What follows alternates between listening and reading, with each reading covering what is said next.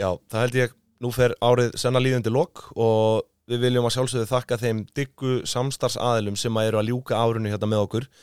Górilla Vöruhús, ef þú ert með vefverslun, heildsölu eða bara lagar yfir höfuð, þá er þjónustan frá þeim hagræðing í þínu rekstri í sinni tærustu mynd. Þau sjáum að hýsa allan vörulagarinn, afgreða pantanir samdægurs og kera heima dyrum til einstaklinga eða beintin í veslanir. Nú svo er það Lavazza sem er auðvitað besta kaffi bæjarins og það er ekki bara gott, heldur líka umhverfisvænt, gerir aðri betur.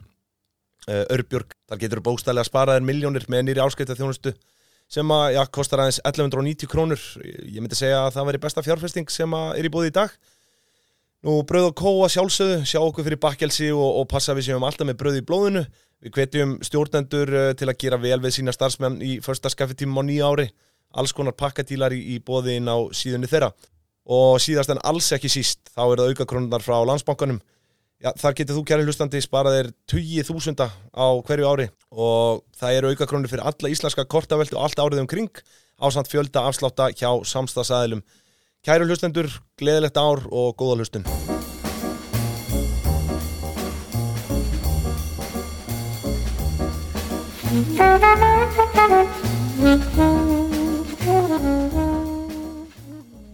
Já, það held ég, það er Pingjan sem helsar ykkur Þannig að förstas morgun, okkar síðasti þáttur á, á þessu ári og nú mm -hmm. þegar árið 2022 er að líðandi lokk, þá fannst okkur tilvalið að, að gera upp árið með skoðanaglöðum önnum. Tvo frábæra gestur. Já, gestastjórnendu dagsins, sem voruð komast. Þeir eru konir þetta til okkar Gísli Freyr Valdorsson og Stefán Einar Stefánsson. Já, bókasalar og frumkvöðlar, yngvið, þú hafði nú eitthvað orðað því hérna? Að, það er mínum huga, það já. er það sem þið eru. Ofanalag eru hvað, viðskiptablaðamenn? Konar. Já, já hitt og þetta. Bara, bara þið veljið. Já, já. Þannig kannski rétt að benda það. Ég sendi fyrirspurnu upp á Mokka og hann fóð Davíð en, en hann sendi okkur ykkur tvo Sendi bara sína bestu menn. Já, sína bestu menn. Við erum kominir hérna já, með kampæjum við hönd og Viltu kannski, Stefán, segja okkur eitthvað frá þessu? Er, nei. Þú vilt ekkert? Nei, nei, ég vil það ekki. Þetta er bara til þess að ja, það er ágætt að hlustendur sem að stundum kannski hlusta þjóðmár líka þeir kannski Já. eru fannar átt að segja á svona ákveðu pattern í þessu. Emitt, emitt. og staðreindin er svo að við gísli um, fyrir nokkur tekið á ákvöðun að við tökum ekki þátt í svona podcast upptökum nema með kampæjun Nei, emitt, emitt Það er bara miklu þægilar Frábær hefð. Og svo eru áramót og og kampænir þetta tengt orðjónum böndum. Yngvi byrði okkur sóta á þetta náðan og við bara hendu því já, já, og bara, já.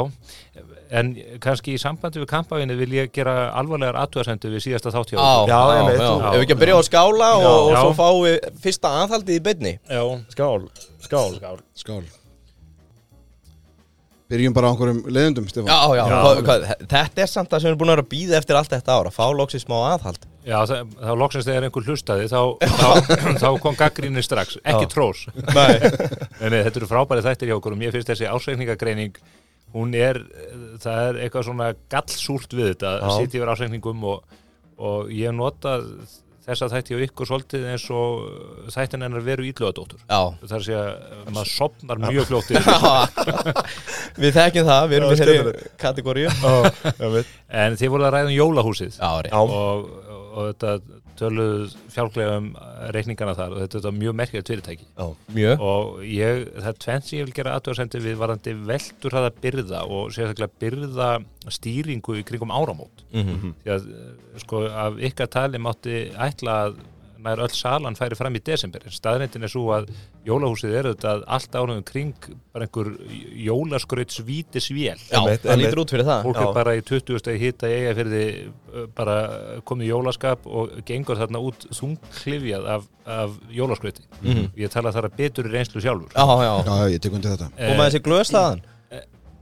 Nei, nei, nei, nei við, og það er eins með, með kampæðinu og glöðsinn við, við gísli, við tökum alltaf glöðsinn með okkur. Eh, hvað sem við förum, við viljum ekki drekka úr þessum flautuglösum. Þessum mjó, ég er svo nefnstóri til að festa nefið þeim. Já.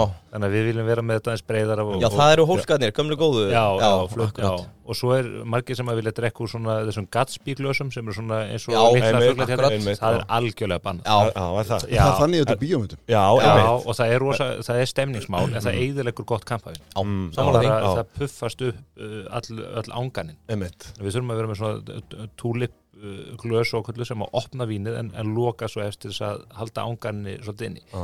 en eh, ekki vera að trubla mig ég, Nei, nei, nei. Þið, þið eruð að reyna að leiða Já. Já, þið vitið að sprengjan er hérna Já, að, að lenda á ykkur Handa við hodnið Bomban milli augnana en eh, sko, þannig að þetta með sko byrða bókaldi fyrir jólin er, Mhm. er, er bara fjärstaðukent mm. þeir eru að móka út jólavörum allt árið en svo er það með veldur hraðan Mhm. og þar geta með sagt, já, heyrðu, það er dýrt að sitja byrðum annað en gæð, sko gæða vörur og svona gæða framleysla er oft uh, byggð á því að sitja lengi á vörum og hafa aðgengi á góðum vörum mm. -hmm. til dæmis situr árum saman, við erum að taka Já. inn vín á hverju ári sem við erum að sitja á stefnuna kannski að selja eftir fimm ár Einmitt Mhm. og, og þar skiptur þetta líka miklu máli að hvort að eh, verðmætið sé að aukast við geimsluna það, Akkurat. það er líka latriði og að því við vorum að tala um kampavín og það er svona kveikti eh, svona hugrenninga teinslega mér að hús eins og Filiponna eða segjum Sjálf Hætsík frábær hús, þau eru kannski að selja segjum 700.000 til 1 miljón flaskna út á markaðan ári. Hvað haldið að þeir séu með margar flöskur í kjallaranum á hverjum tíma? Já. Se- Ef að Safety stock. nei, nei, ekki segja, það, það er gæða bara- veist, þetta, er gæ- þetta er til að tryggja gæði. Já, virðin Já, virðin Ég ætla að segja fjóra miljónir flaskna. Ef þú ætti að selja miljón að það séu fjóra miljón Já.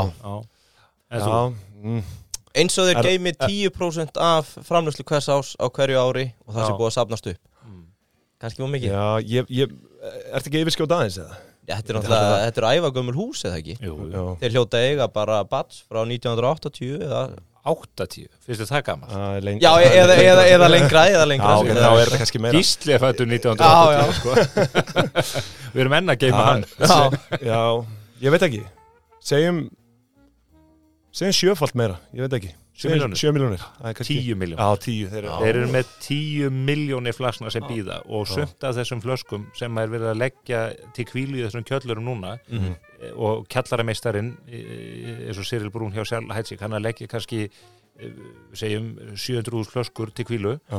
og hann veit að stór hluti af þessum stokki verður aldrei tekin upp á meðan hann lifir. Já, þetta er ætlað fyrir næstu hann er núna að taka upp flöskur sem að kynnslóðan á undan eða tvær kynnslóðu þar á undan voru að að leggja til hliðar. þannig að ég, ég vil bara því byggðist afsökun Já, á á, jólahúsið.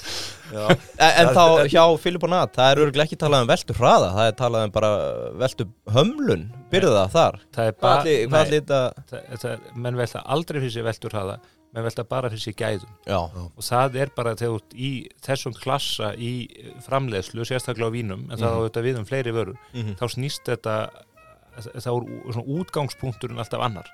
Og, og þetta er bara með allan luxusvarning þar sem að gæðin skipta á bóðslu máli. Mhm. Hvort sem það er í silkiframleiðslu eða Mhm. bílaframleiðslu eða úrasmíði eða hvað það er. Mhm, og þetta er þetta bara svona daldið önnur kategória og væri kannski einhvern tíma gaman ég, ég er ekki að segja jólahúsi sé endilega svona eitthvað gúrmei gúrmei en, en þó að það sé margt flott að finna þar en, en það væri nú kannski áhægt að taka einhvern tíma fyrir fyrirtæki sem að svona gengur út á Liggur á byrðum sem að hækki virði. Já, hækki virði og, og geta jafnvel, uh, sko, það getur komið exponential hækkanir Já, e, ef árgangar reynast mjög góðir Mhm. Við tókum nú sögað þessu með hrognin, loðnurhrogn, fyrir tveimur árum. mm Já, Munið eftir þessu? ég man til því Já, að með tagnaðar á loðnuvinslunar kom eftir að Frikki, vinnur okkar, framkvæmstjóri, neitaði sérst að selja árgangin árað eftir, hún fannst verði ekki ásættalegt. Svo kemur loðnubrestur sem var, hann var alveg að taka séns þar líka sko. Já, hann tekur séns og býður og svo, hvað, fimm eða sexfaldast loðnurhróknin í, í verði út af því að hann var eini maðurinn í heiminum sem átti loðnurhrókn. Já. Við ertum að rýna í þetta Já, og þetta fá er- frika til okkar. Skemmtilegt hvernig- að fá svona aðra sína á þetta líka. Svona, svona, svona eru heimsveitinur okkar Stefáns. Þegar við fyrir að heimsveikja maður þá byrjum við alltaf svona á skammaræðu frá hann og hérna, Já, já en, sko, og við erum ekki hættir. Ég sé það gísli á svipum að þau eru strax fattar að sjá eftir að fengja ég taka hér hvern gúlsópan og fættur öðrum að kappa Já, já, Þa- það er betra að vera bara fullur með að við fáum þetta já, yfir. ég held það. Nei, nei, en, en hérna Einn spurning. Með tildip til bókalds út af því að þú ert að halda þessa byrðir. Hvernig er með afskriftareglur eða ef það er hækki virðið eða annað? Er það ykkvært á einhverjum tímpúndi eða? mm, Nei, þetta er, þetta er bókvært á, á innkaupsverði Já, og svo uh, kemur þetta bara fram í gegnum uh, gegnum uh, söluhagnað. Já, auðvitað, auðvitað, bara mismunurinn, já, akkurat. En, en þú getur hins vegar mögulega þurft að gera einhverja breytingar að þú tryggir þessar vörur. Mhm. en það er nú svona alltaf til enskan í, í þessum brans að gera það ekki. Já, það, það, er svona ákveðin áhættu fík í því að geima vín. Já, því að vín getur skemst á geimslu en það getur líka orðið miklu betra. Mhm. og uh, ég er með í hirslum hjá mér meðal annars frá Filipona bara svona uh, skemmtilegur út út úr 2008 árgangur á Claude Gouas sem er svona uh, einnar ekkur árgangsvín frá þeim. Og þegar ég tók þetta vín inn að þá sagði sjálf Filipona fórstjóri húsins við mig eh, geimdu þetta vín eh, glemdu því Já. ekki eh, seldu lítið að og geimdu svolítið fyrir sjálf að því en, en glemdu því. Segi, og, og hvað er að geima þetta lengi? 5-10 ár? Nei, nei, nei, nei, nei. Þetta vín verður á hápunkti ferelsins í gæðum og verðið 2050 Já, akkurat. Og svo sann, ég, hann sagði, ég verð dáinn þá er eldri maður, sagði, ég, ég verð ekki á lífið ósænlega en geimdu allavega eina flösku til 2050 Þetta eru svakalegar tímalengdir í þessum maður. Alveg, alveg þólinn með þið Þú ert að fara að poppa þetta þegar við verum net zero carbon. Búin að ná kólumsjöfnunni að fullu. Þá, þá poppa þú eina. Ska, Skála fyrir karbóninu út í- árangrinum En það frusaði þegar voru eitthvað uh, vesen, eða voru með eitthvað derring út af 216 eða 40 dögum í velturhraða hjá, Já. hjá jólahúsinu. Hvað segir það að gjalda? Það er eins gott að þeir komist ekki ásækningana hjá kampæðishúsunum. Já, það lítur að vera hægt að fletta því upp eða ekki Það er ekki víst. Nei, það er ekki að vera. Annað sem að mann líka dettur í hug með að við erum að dreipa á þessu víni Þetta er að verða fjárfestingakostur Það er hægt núna orðið að fjárfesta í svona viski vísitölum Ég held sér komin að rauðvins Gott að það er ekki kampaðins líka. Raun- Þekkjur þetta? Já, og, og, og rauðvínið sérstaklega og reynda hvítvínað einhver leiti hefur lengi verið álitin fjárfæstingakostur Já, akkurat. Og það er nú það er nú meðal annars einn Íslendingur sem ég þekki sem er núna um áramótin að taka við starfi sem portfóljó manager fyrir auðuga einstaklinga erlendis og heldur bara utanum vínportfóljóður sem er kannski varðveitt í mörgum kjöllurum eða geimslum um heiminn og það er verið að reyna besta nýtinguna, þú veist, eitthvað vilja menn drekka sjálfur annað selja menn áfram eitthvað er að hækki verði og, og svo þarf að kaupa inn á réttum tíma. Og, og þetta er lengi vikengist í rauðvinnu sem hef, getur haft mikinn geimslu tíma Mhm. en svo er, eru allra augu á einmitt kampavinni núna því að það er að koma betur og betur í ljós að það eru til kampavinn sem að eldast mjög vel og sérstaklega er það er um að ræða kampavinn sem er að koma sent á markað, það er að segja vín sem hefur verið geimt lengi á gerinu án þess að gertappin sé tekin af því. Og við gísli vorum til þess að taka upp þjóðmál, áramóta þjóðmálin í gær og þá mætti ég með flösku af eh, 1522 Grand Cru víni frá Filipona sem er 2002 árgangur og var ekki tekin að gera fyrir 2021 þannig að þeir byðu í tvo áratugji Vá, með að, að, að klára framlegsluferlið og þetta eru vín sem að bæði eru óskaplega ljúfeng ég getur votta það. Já, já. og Þetta er svona hás, ég bara drakk svo mikið þessu. Já, alla þessa einu, flösku. Það er ekki mikið drikkjum hann að gísli vegna er gott að eiga hann að vinn og, hérna, og, og hins vegar eh, sem sagt, getur verðið á þessum eh, flöskum hækkað mjög hrætt árin eftir að það kemur út. Já. og, og þetta, eru, þetta er bara spennandi. Og þeir nefndi 1980 við, við erum að taka einn flösku frá Píper Heidsig sem eru 1971 árgangur 1982 árgangur. Mhm. og, og þykir, þykir mikið losæti. Ein pæling. Hva, Hvað er þetta að geima þetta? Það Máttu, máttu segja það? það er ekki gefið upp. það er ekki gefið, Ekki gefa upp? Nei, að sjálfsögðu ekki. Það var að segja að þetta verði ekki tryggt. Já, akkurat, Já. akkurat. Ma, ég maður sá bara dollaramekkinu í augunum á okkur. Nei, Ég var nefnilega búin að heyra að það væri svona rauðvins specialist geimslur einhvers staðar neyri bæ. Ég var að velta fyrir mig hvort þú væri þar eða hvort þú væri með eigin það engar slíkar geimslur getu rúmað allar hann laga ok, Ég það er bara, nei, nei, þetta bara þarf að geimast við, við jæmt og stöðut hitastig Mhm. og að, að þetta sé varið fyrir geislum sólar uh, sólarljós fer mjög illa með allt vín og sérstaklega kampavín Mm. þannig að þetta þarf bara að vera í, í geimt með tryggilegum hætti hvað, hvað það varðar Mhm. Það vita ekki margir en hluti af sko, hernaðar uppbyggingan og keflækulhulli er einmitt fyrir þessar gimslur Já, menn halda að þetta sé bandræki Já, út á ásbrú Já, Já. Já, já, já, já Nei, nei, þetta er, er kampæðisfélagi sem að stendur fyrir stórum hlut þessar fangit. Já En heyrðu, eigum við að fara, eigum við að byrja á líta eins yfir árið? Já, Vestur 5 hérna- Já, vil- viltu tala um annað líka? Ég Já, Já, já, ok Við náttúrulega hérna, settum inn á Facebook-kópin okkar hérna, Dýpin og Bingjan Já, og vorum að spyrja fólk hvað uh, já, það var svona helst sem að við vildum ræða. Já. uh, það var þarna kryptó, það var mjög vinsælt. Uh, Ásker, Sæðlamakastjóri líka kannski kryptó, er, þekki þið eitthvað inn á þann markað? Rafmynda markaðin maður ætlaði séðan svolítið svona rapa nokkuð rætt Já, síðust, síðust árið og kannski tvö.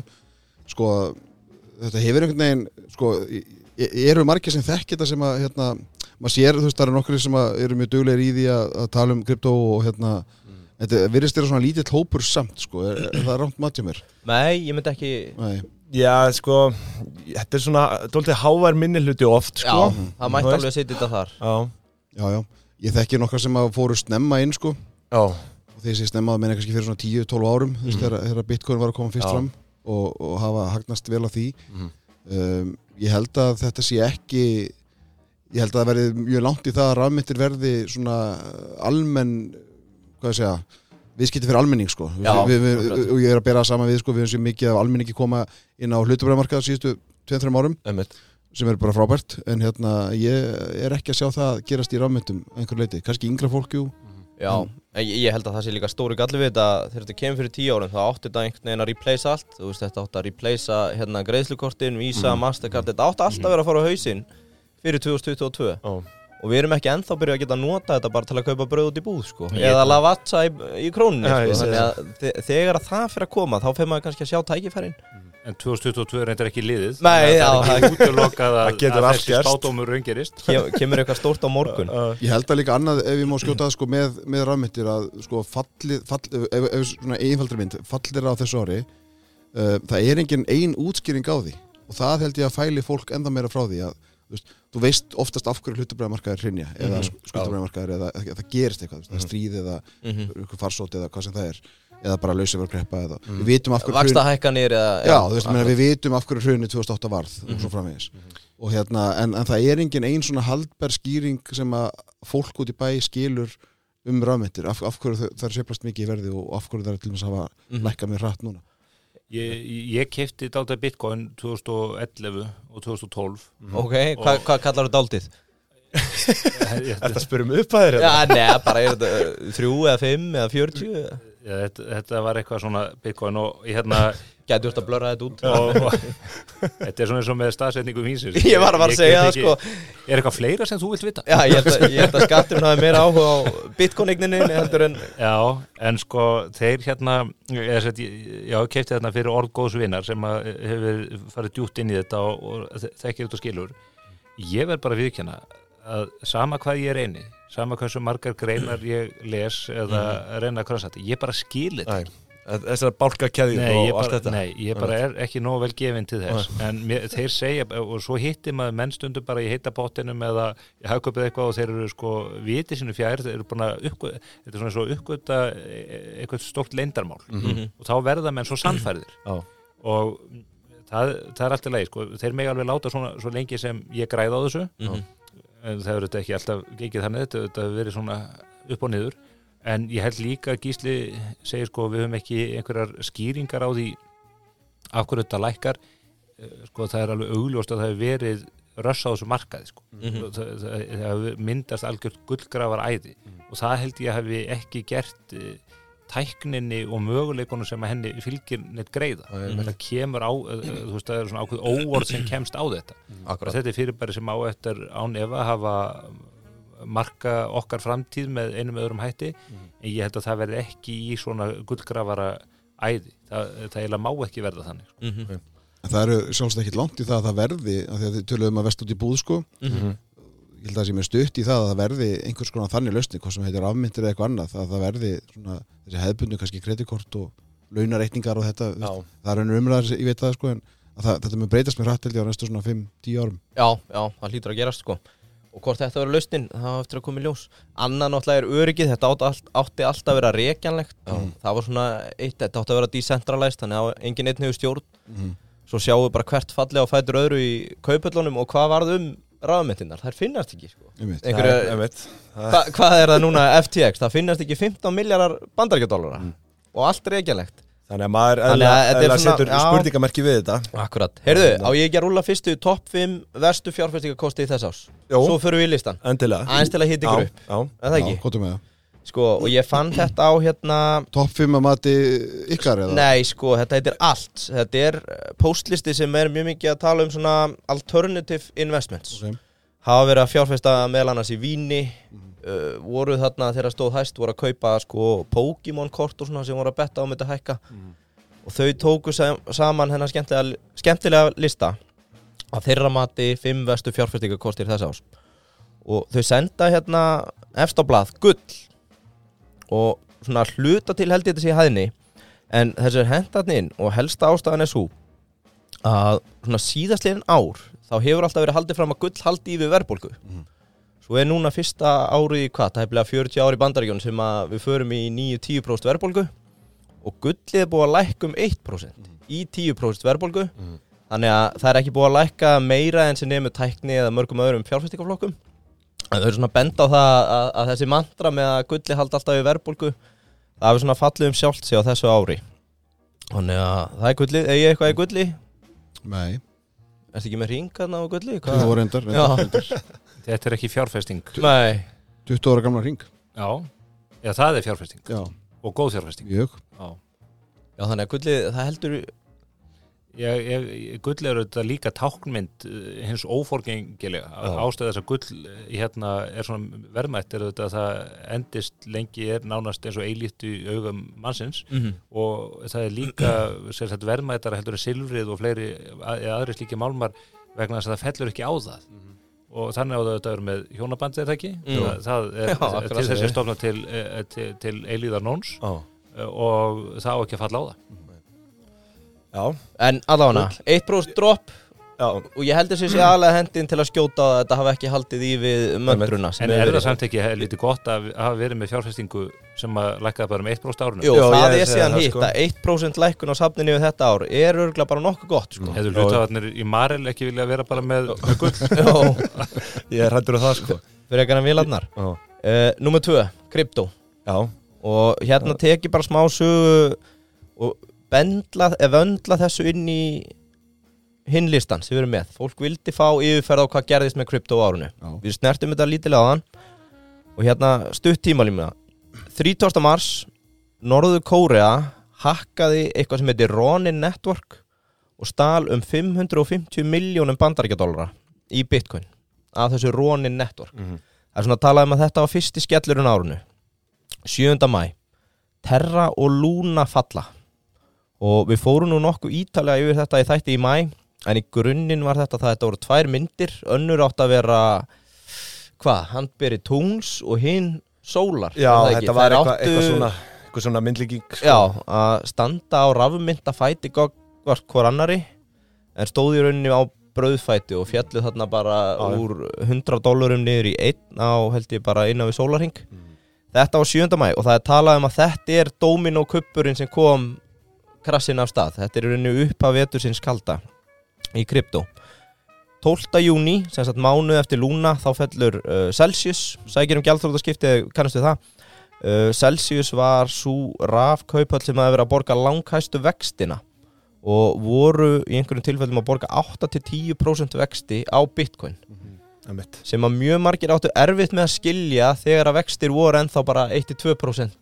eins og hérna í bandaríkjunum. Þannig að hvernig komast þeir upp með 8-10 Mm. það er náttúrulega fjallum sjálfsig í kjölfarið fjallum mjög marga síður sem voru tengdar inn á Celsius og höfðu verið að lána fyrir þessum vöxtum. Og má þar nefna raf og oguna sjóðin svo Maker, Compound, AF, Genesis, Galaxy Digital og 3 Arrows Capital. Uh, 8. ágúst þá tekin ákvörðum að banna Tornado Cash í bandaríunum og þetta var svo kallega mixer eða það, það sem tók rafmyndir frá mjög mörgum öðrum og þvættaði og færði í veski Mm. og það er talið að þetta hafi líka stuðlað því að það að eitthvað af þessum síðum sem hafi í rauninni verið að fela hvert peningandi voru að fara Mm. þeir áttu erfiðar með það eftir þetta svo er það náttúrulega The Golden Boy sjálfur sem fellur 9. november langstæsta fallið til þessa og það var í rauninni bara eitt nafn sem stóð upp úr allt þetta ár og það var Scam Bankman Fried frá FTX og Alameda Research. Og hann verður svona andlit hérna rammittarnar einhvern veginn. Já og hann var sko í raun andlit endurreistnarinnar á þessu tímabili þegar allir aðrir eru að falla út af því að einhverju hluta vegna gætt hann alltaf stíð inn og keift upp eignirnar. En það sem hefur komið í ljós eftir á var að hann var í rauninni bara að tryggja sér aðgengi að akkántum sem áttu skuldir á hann sjálfan. Þannig að hann var rauninni bara alltaf að vöndla þess inn undir sig. Þángar til að endanum kom bara í ljós að keisarin var kviknakin þarna bakvið uh, Alameda og FTX út á Bahamas. Sem að smítast meðal annars inn í bandari stjórnmál og fleira sko, þetta er, þetta er mjög vandrælt mál fyrir vestan. Já, akkurat, og svo hefur náttúrulega komið í ljós það sem að fylgdi alltaf sögunni var að hann var eitt stærsti bakker demokrataflokksins hvað, síðastlega tvö ár held ég og svo núna þegar hann var böstaður og er að fara á Twitter Spaces og skrá, uh, tjá sig ofinberlega um þetta, þá segir hann að hann setti alveg mikið pening í republikana flokkin, hann vissi bara að hann myndi ekki fá sama PR að því að segja frá því. Þannig að þetta er eitt stærsti bakker bandaræskar pólitíkar síðastlega tvö ár. Nefnir að þetta sé sko andlit uh, kryptósins sko, þetta er náttúrulega ekkert smá andlit. Já. og bara þegar maður sér hann einhvern veginn þarna búið að grípa hann glóðvolgan að maður spyrir sig sko, hver treysti þessu manni mm. og svo tegir þetta sig ekki bara inn í inn í pólitíkina og annað þetta fjölskylda hans er í, í stórkostlegum vandræðum, er ekki fórættar hans, þau eru bæði lagaprófessor við. Stanford Háskóla og þau eru hluti einhvern veginn af, af þessar svikamila allir búa þannig einhverju höll sem að Hann hafði, að- já, hann hafði verið keift fyrir fjöviðskipt á eina. Já, þannig að þetta er, þetta er að tegja sig víða uh, þetta hengsli. Svo var líka hérna núna þegar hann var loksins framselt til bandaríkjana frá Bahamas að hann, hvað segir maður á íslensku? Postaði beil, uh, reytti Já, fram tryggingafíi Já. hæsta trygging sem að hefur verið farið fram á í sögu bandarísku réttakerfis 250 miljón dollara. Já, og allir sé ekki bara eins konar veðsetning þau settu húsið upp í held ég sem eiga Já. ekki stærri San Francisco og svo fylgdi ekki sögunni að einhver ónefndur hafi stíið fram og sett auka fjármagnin líka peninga sko algjört hafari bara Já, en það er þannig að þú þarft vist bara að sitja 10% af fjárhæðin út sko Já, Þannig ekki að nema, þetta Já. ekki nema 3,4 miljóður. Já, akkurat sem að Erla að Bolladóttir hefði getað borgað þetta bara. það sem að eftir að gerast í þessu máli er að sko andlit uh, andlit fórnalampana á eftir að koma fram. Já, algjörlega. Þú veist, maður sá hérna bara dott aftur mér hérna, muni ekki eftir gæðinum ég þarf ekki Maddox, nei, Jú, Hérna- Bernie Madoff. Já, Maddox, já, muni eftir því Pon- Ponzi, hérna, svindli að þá voru mjög, allan í bandaríkjunum voru svona það voru líka nokkri talsmenn fórnalampa, skulum við segja. Mm þannig að þú veist, það var hægt að setja einhvern veginn svona andlit á fórnalömpin sem að hýtaði mál svolítið upp sko, Mhm. gerði það svona meira svona stærra og kannski svona já, meira, Þar voru meðal annars, eh, manni bara því að ég þýtti fyrir mörgum mörgum árum æfisugu Eli Wiesel sem að lifði af helförina og hlaut síðan friðavelu Nobels 1986, mjög merkur maður og, og svona eh, friðflýtjandi og hann byggði upp stóran eh, styrtarsjóð fyrir eh, eftirlifundur helfararinnar og aðra sem hafa orðið fyrir e, viðlíka meðferð. Og hann hefði þetta treysti aðal gyðingnum uh, á Wall Street, já, já, Bernie Madoff félagar sínum. Já, og þessi sjóður fór allur í vaskin þannig að það voru þarna einstaklingar sem voru búin að kannski eða allir í sinni æfi í að byggja eitthvað upp í, með mjög góðan málstað og, og verða síðan fyrir fyrir þessu svindli. Mm akkurat. Og, og einmitt með andlit fórnalambana þetta vantar á rafmyndina sko. Já, akkurat. Og ætli að sé ekki flesti bara Það- í félum með það Já, já, ég held það ég- mikið gefið upp síðan Nei, þeir ár og þegar það, að- því verður þá verður það nú ekki til að auka trúveruleika á blessar, blessuður afmyndina sko. Mhm. En það stigur strax fram mjög stóri svona, hvað, vísi sjóðir? Já, sem afskrifuðu bara strax að já, bara já. 100 miljón dólara þetta er náttúrulega bara orðið mjög algengt þeir, hafa bara, þeir hafa bara enga samúð sko. Nei, akkurat Nei, nei, nei, akkurat, þú vilt ekki sjá andlitið á, á fjárfestingastjórnum hjá Andesín Horowitz. Tala um tapið það er sko. öllum saman það, Já, sko. það svona, akkurat.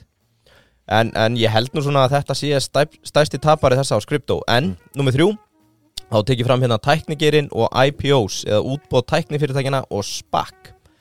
Og það er nefnt hérna svona fata bucket af tæknifyrirtækjum, handöldum og S&P sem voru sem sagt uh, bökkuð af VCs það koma inn hérna fjárfestar alla pumpin fyrir, gera eitthvað sniðut, fara á markað.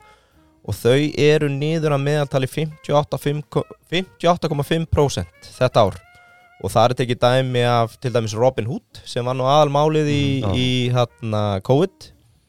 Þeir eru niður 51% það er tekið dæmi af fyrirtækinu Applovin kannast þið við það?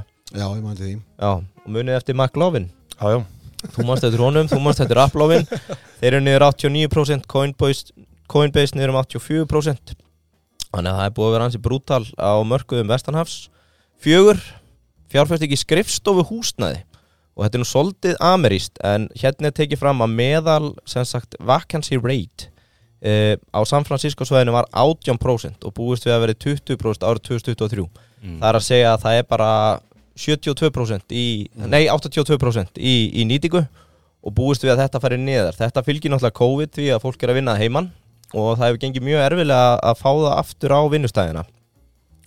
Svo er Ástæða hérna, nema hjá Twitter já, já, ég ætlaði með þetta að segja allir Musk hafi ekki verið svona bjartasta vonin þarna á þessu svæði að þegar hann tók við Twitter þá leta hann alla mæta aftur. Hann hefur kannski verið búin að fjárfest í þessu skrifstofuhúsnaði og hann lítur alltaf sem svona heilstætt verkefni að tróða fólkin aftur inn á skrifstofuhúsnaði Þetta sko meikar alveg sens af því að það er, sko, það er komið þetta trend, uh, þetta með að vinna heima og svona það verður náttúrulega auðvitað ekki svo í COVID. Mm en svo verður líka sko, svo eru bara fleiri og fleiri fyrirtæki stóru og smá að hugsa bara þú veist, heyrðu, eigum við að vera standi því að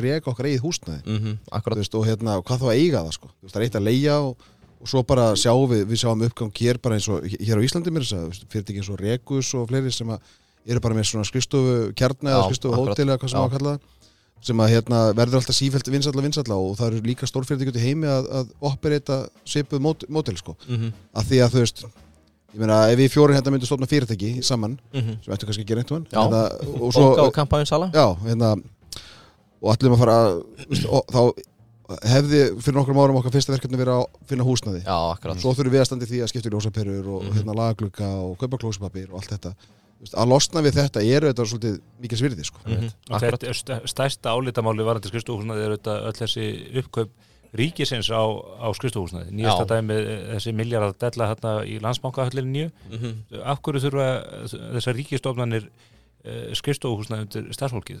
Það er búið að stýta þannig vinnuvökunna og fólk þarf aldrei að mæta og, og þá dagar sem það þarf að mæta milli jól og nýjás þá er gefið frí. Já, þannig að uh, það verður auðvitað langkentu að bara selja allt þetta skrifstofuhúsnaði og, og hafa þetta fólk áfram í frí. Og það gerir ekki óskunda á Þú ert að tala um hagstofuna? Já, já, meðal annars. Ríkistofnun almennt. Ég get alveg ég get alveg séð um útreikningin á vísutölu nesluvers ég hef mjög góða tilfinningu fyrir því hvernig, hvernig verðlagi er að þróast í, í flugfargjöldum og, og, og brauðosti Annað til að klára þetta. Þetta er reyndar annað, ég hef ekki séð þið Þið þekki nú ímsa gagnapunta úr íslenska atvinnlífi Hérna tekið fram að 50% af öllum leigusamningum á skrifstofuhúsnaði munu renna út ára 2025 í San Francisco. Mhm. og þau hann að spá því að það verði stóra falli þegar markaðin raunverulega sér hver verður eftirspurn eftir að vera sem sagt, á þessu svæði og fyrir skrifstofur. Ég veit nú bara ekki hvort séu opibert dag svona leigusamningar. Hérna heima? Já, Nei, hérna ekki. það ég held að allavega Skráðu hjá félögin hafa einhver verða gefið gefa þetta út meðal, uh, meðal lengd Já, já, Já, þannig að við eigum að geta séð þetta hjá já, já, Reyni Neik að við ekki bara fletta þessu upp hérna? Jó, endilega. Heyrðu, og til að loka þessu En maður ma bara bæta af einu punkti í þessu Já. að það sem að sko mun líka gerast og er byrjað að gerast í bandrækjunum Mhm. og mun líklega gerast hér að einhverju liti að þú, þú er kannski með bara fyrirtæki segjum bara, þú veist, ég meina við höfum allir séð myndir af höfustöðum Google, Mhm. mjög stórar. Mm, um, þær höfustöða verða ekki til kannski í núverandi mynd mjög, mjög lengi, af því að það verður líka þannig að ef þú býrði í, segjum San Francisco eða hvað sem það er, að þá verður kannski bara starfstöð hér og þar um borgina. Já, akkurat. Tökum bara dæmi eins og þú veist hvað er þetta nátt, Íslandbanki hérna rétt, rétt hjá okkur? Þú veist, ég meina Íslandbanki fluttið fyrir nokkrum árum í, hérna í Turtin, í, í Norðurturtin í Mhm. Smáralind kannski eftir einhver ár verður fyrirtæki eins og Íslandbanki með kannski skrifstofu aðstöðu eða já, vinnu aðstöðu upp á höfða og Já, kannski hafnafyrði eða eitthvað svona sko. Þú veist, þannig að ég held að við munum sjá eitthvað af þessu gerast þannig að svona, Fyrir utan eitt sem ég heyrði sem að ég veit ekki hvort þið staðfest er að þau eru bara með sæti fyrir 80% já, af starfsfólkinu því sem að er eiginlega bara nýja trendið sko. Já, og, og það náttúrulega mun mjög fljótt til að skera niður 20% bara í, í þessu gagvart fólki sko. Mhm. En það er eitthvað út af því að það er alltaf einhver veikur eða fjárverandi og fund út í bæ já, já, einhver erlendis og einhver í orlofi og, Já. þú veist, það, Akkurat það er aldrei allir á staðnum sko. mm Svo er að fymta, síðasti vers, eitt versti fjárfæstingakosturinn og hér segir að það séu bara skuldabröðin gömlu góðu og að því að nánast allt annað skýtur í lakið þá hefur alltaf verið hægt að treysta á gömlu góðu skuldabriðin Já, en því miður Það þá er hér. skuldabrið á vísitalan í bandaríkjunum niður 11% á árunu og hér er þetta ekki dæmi að síðastlegin 45 ár þá hafa skuldabrið bara lækkað svona svakalega 5 sinum á síðastlegin 45 árum. Og var síðast niður 2,9% árið 1994 og síðast í neikværi tveggjast á tölu 1931 hafið það, sagfræðingar Já, já, svolítið íkt viðbröð á þessu markaði. Já, þetta bara að bæti við. Mér fannst þess að það var allir að býja þetta að Stefán en hann, hann var bara að góna á kampaðinsflöskuna Stefán sko skilur ekki að er hérna ekki frekar en Bitcoinið. En ég var bara, ég var að fletta hérna upp eins og ég á reygin að því ég voru að velta fyrir ykkur sko leigusamningunum. Já, meðal leigutími hjá þeim er 7-8 ár. Mhm. þannig að e, það er nú er þokkalega góðu fyrir sjánleiki já og svo eru þetta þessi leigufélag þau eru bara að satsa meira og meira inn á ríkið. Mhm. bara þau telja hérna upp bara nýjir samningar voru gerðir meðal annars við hilsugjæslu höfborgarsvæðsins, barnavendir Reykjavíkur Happdrætti Háskóli Íslands. En þetta er meira og minna allt einhver svona opinber aðlar sko, Sko ef ég, ef ég væri að reka hérna, regin eða eika eitthvað sem félagum þá, þá, þá meikar þetta alveg fullkomum sens af því að svo er líka annað í þessu að ríkið gerir aðra kröfur heldur en enga kerin til skristahúsnæðis ef þú ert með tímans í vinnu tí, sem er svo með tíman á stopnum Mhm. þá þarftu hvað, 200 fermetra þú þarf 20 fermetra á starfsmann það, það, er, það er svona í grunninn kröfuðan sem Er, rí- er ríkið þetta gerir. óskrifaða reglur eða eru þeir bara með þetta í Þetta er óskrifa reglur en þetta er hann venjan sko Þú veist, Já, en, en þetta vitum við 20. það að hver starfsmann þarf ekki 20 fermetra sko. Nei, akkurat þannig að já, Við myndum nú prísa okkur sæla að vera allir hérna með sinn Þetta er alveg ægilega gott kampaðun Já. um að taka hérna aðra umferð Ég sko verð bara að viðkynna það Ég hef aldrei verið mikill sko freyðivínsmaður Nú er kampavín undirtegund freyðivíns eða ekki? Er, er, er það ekki þannig sem það virkar eða? Já, e, þetta er nú eiginlega svona vín í sinni eigin deild sko. Já, já. Nú hefur verið gaman að vera með þetta í mynd og sjá Já, ég er að sjá viðbröðin já, ég nefnilega hef alltaf Þetta er sko verra en með jólahúsi Já, Ég var einmitt Alltaf- með spurningu Hvort finnst ykkur betra kafa eða prosecco? já Já, sko, unnendur hérna kampavíns nexlast alltaf þegar maður talar um freyðivín sem kampavín, sko. En við vorum nú eiginlega bara komast að því áðan, sko, að kampavín er náttúrulega tegund af freyðivíni. Er það ekki rétt? Það er, það er freyðandi vín eins og þú sér Eh, já, ég veit. það, það er augljóst. En að því að voru að tala um kava og prosecco bara, ég hef nú tekið þessa ræðu einhvern tíðan ég, ég hef tekið það nótt við gísla ég held í þættinum. Skólað okkur. Og það eru þetta og sendur ringir um að kvöldin bara til að taka sér Já. það, það eru það er tvent sem skilur þarna að. Og ég vil taka fram að gott kafa getur verið alveg frábært rétt eins og kremant og, og sektið frá Austuríki en það eru vín sem eru framleitt uh, með, með tvöfaldri gerjun það er að segja að þau eru það er búið til hvítvín það er sett á þess að þykku miklu flöskur og svo er vínið gerjað aftur í flöskunni með náttúrulegum hætti þess að gerir látið geta upp, upp sigur Mm. og búa til uh, hérna, bublurnar og aðeins aukið alkoholmagn Mhm. Prosecco sem að sumir drekka Mhm. og ætti að hætta eftir að hafa hlustað á þennan þátt hérna er búið til í risastóru sótastrýmstæki. Prosecco er búið til, menn taka fremur lélegt hvítvín Já. sturta sigri út í Já. og svo skjóta þeir kolsýru ónáttúrulegri á, á vínið. Og þetta eru bara eðlis ólíkar vörur. Mm veist, auðvitað má fólk drekka Prosecco eða vil Já. en þegar að fólk segir eh, mér finnst Prosecco betra en kampavín Mhm. þá er algjörlega augljóst að fólk er með COVID. Það bara getur ekki verið að það sé betra Já, ég, eins og ég ætla að fara að segja, þetta er alveg hérna, abras gott og eins og ég segi, ég bara, besta sem ég hef smakkað. Það bara Í- njótið vel. Gaman að, og nú þakka fyrir. skiljið betur okkur þið ætlaði að taka upp sömu reglu og ég og Gísli að þið takið ekki upp podcast átt öðru svona vera með kampavín Nei, akkurat, akkurat. Þurfum að fara að koma því, koma því í hefð. Herðu, en já, en þá eru nú fleiri mál hérna, emitt uh, sko, allt sem við kemur áskeri seðlabankastjóra og, og stýrivöxtum. Og við erum nú mikið rætt þetta svona hérna í förstaskafinu og nú er sko yfirvonandi uh, hérna vaksta næsta, uh, í februar næstkomandi. Hvað er svona ykkar teik á það? Hvar, hvar stöndu við þessu? Er, erum við að fara að hækka þetta ennþá meira? Er þetta komið gott? Hvað hvað segið þið? sko, ein, einhvern tíman vorum við að við höfum, fjallast svolítið um ásker í, í mínu hlaðarpi í Mhm, og akkurat. hérna, og það ekki og, og einhvern tíman, ég manni hvort það var uh, hérna, Hörður Ægjesson eða Stefán Einar sem sagði að sko kostur við ásker var það að hann er hann er ófyrirsjáanlegur Mhm. hérna, hann, hann, er, hann er ekki alltaf fyrirsjáanlegur og, og Sæðlabankin þá ekki heldur um, í rauninni held ég að flestir lítið þannig á að þetta er svo ágætt að vaksta á hækkunum Mhm. en svo bara veit maður ekki sko, hvernig verðbólgan vantilega mun að lækka eitthvað aðeins í janúar í útsölum og svona Mhm.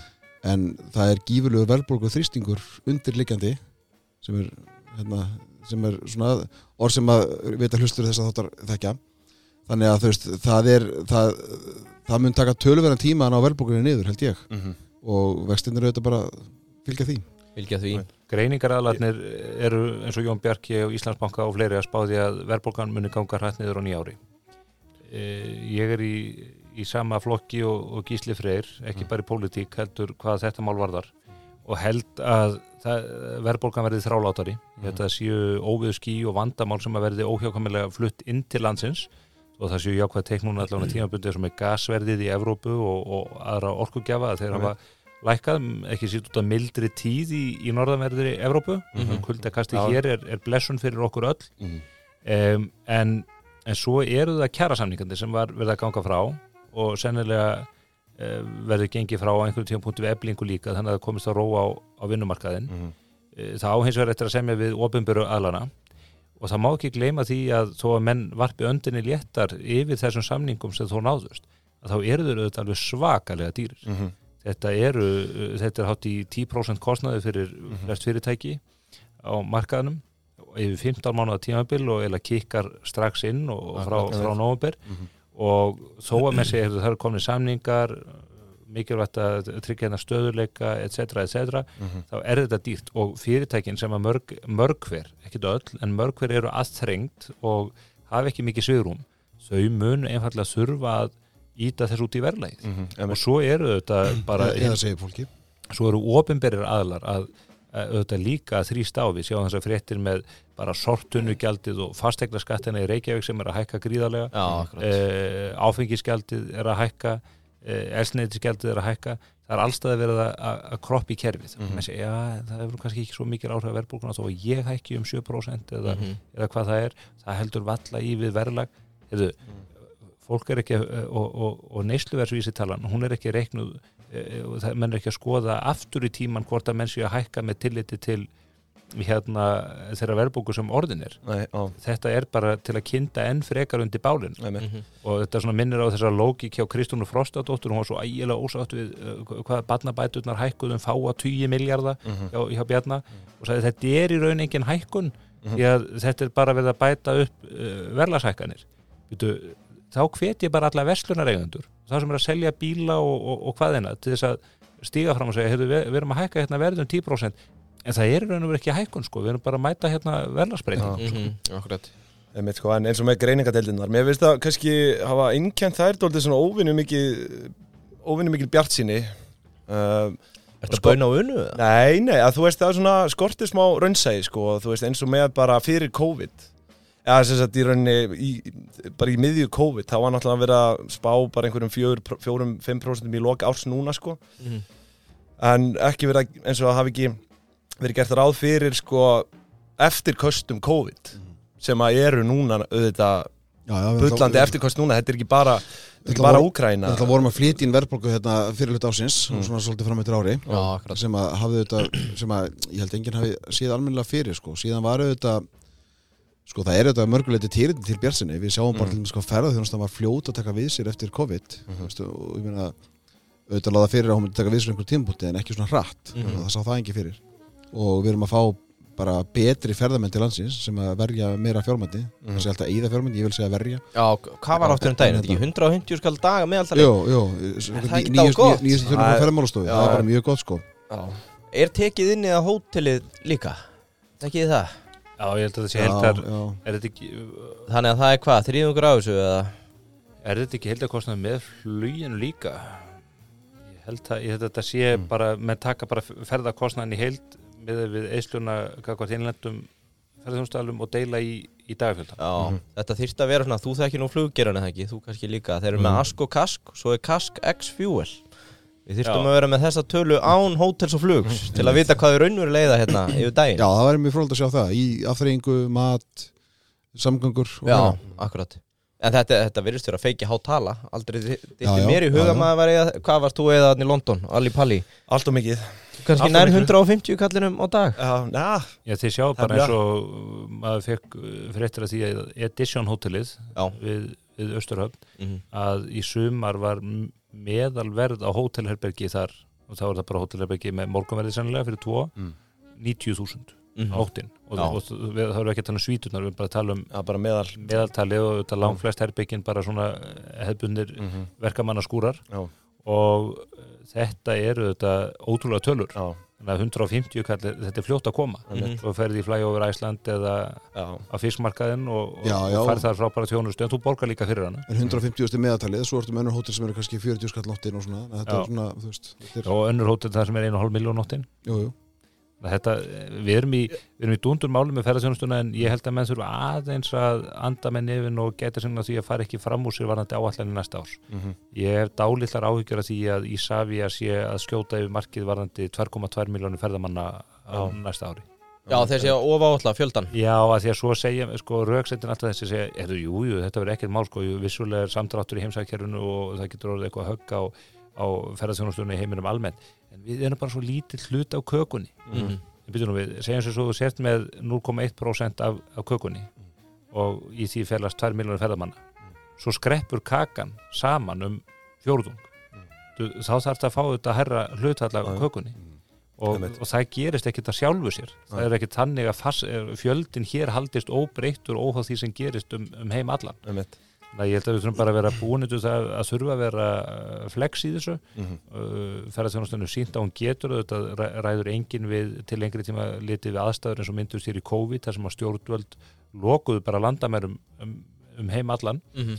en við þólum held ég talsvert mikið sveigjanleika Mhm. og við erum í þeirri stöðu að, að, og það er það sem að uh, Sælabankastjóri uh, veit ég hefur hvað mestar áhyggjur að það er, eru þessi svona ofhittnunar einkenni á vinnumarkar uh, framsónarflokkurinn eins gálegur og hann er alltaf sagði einhvern tíman að sko, allt atvinnuleysi væri of mikið atvinnuleysi. Ef einn maður gengi atvinnulegs þá, Mm. þá væri það einu mann of mikið. Já, og svona verið að yfirfæra eh, svona eitthvað tal úr, úr hernaði eða það sem mannfall verður. Einmitt. En auðvitað er bara náttúrulegt til þess leitar atvinnuleysi er, er nöðsynlegt, bara það sem fólk er að skipta um vinnu Mhm. af einhverjum Já. ástæðum og annað. Einmitt. Og þegar við erum komin með fulla nýtingu uh, vinnuafsins eins og við búum við hérna þá er það ekki holdt það bæði skapar uh, minni þrýsting á gæði. Fólk þarf ekki að leggja sem ekki fram vegna þess að það, það bara getur farið í jobb hjá einhverjum öðrum eh, ef að Gengur í hvaða ríkistjobb, segði þetta eftir í hug Já, já, þess vegna. Liggur við. Já, já, Mm. og verið í fríi þessa milli. Og,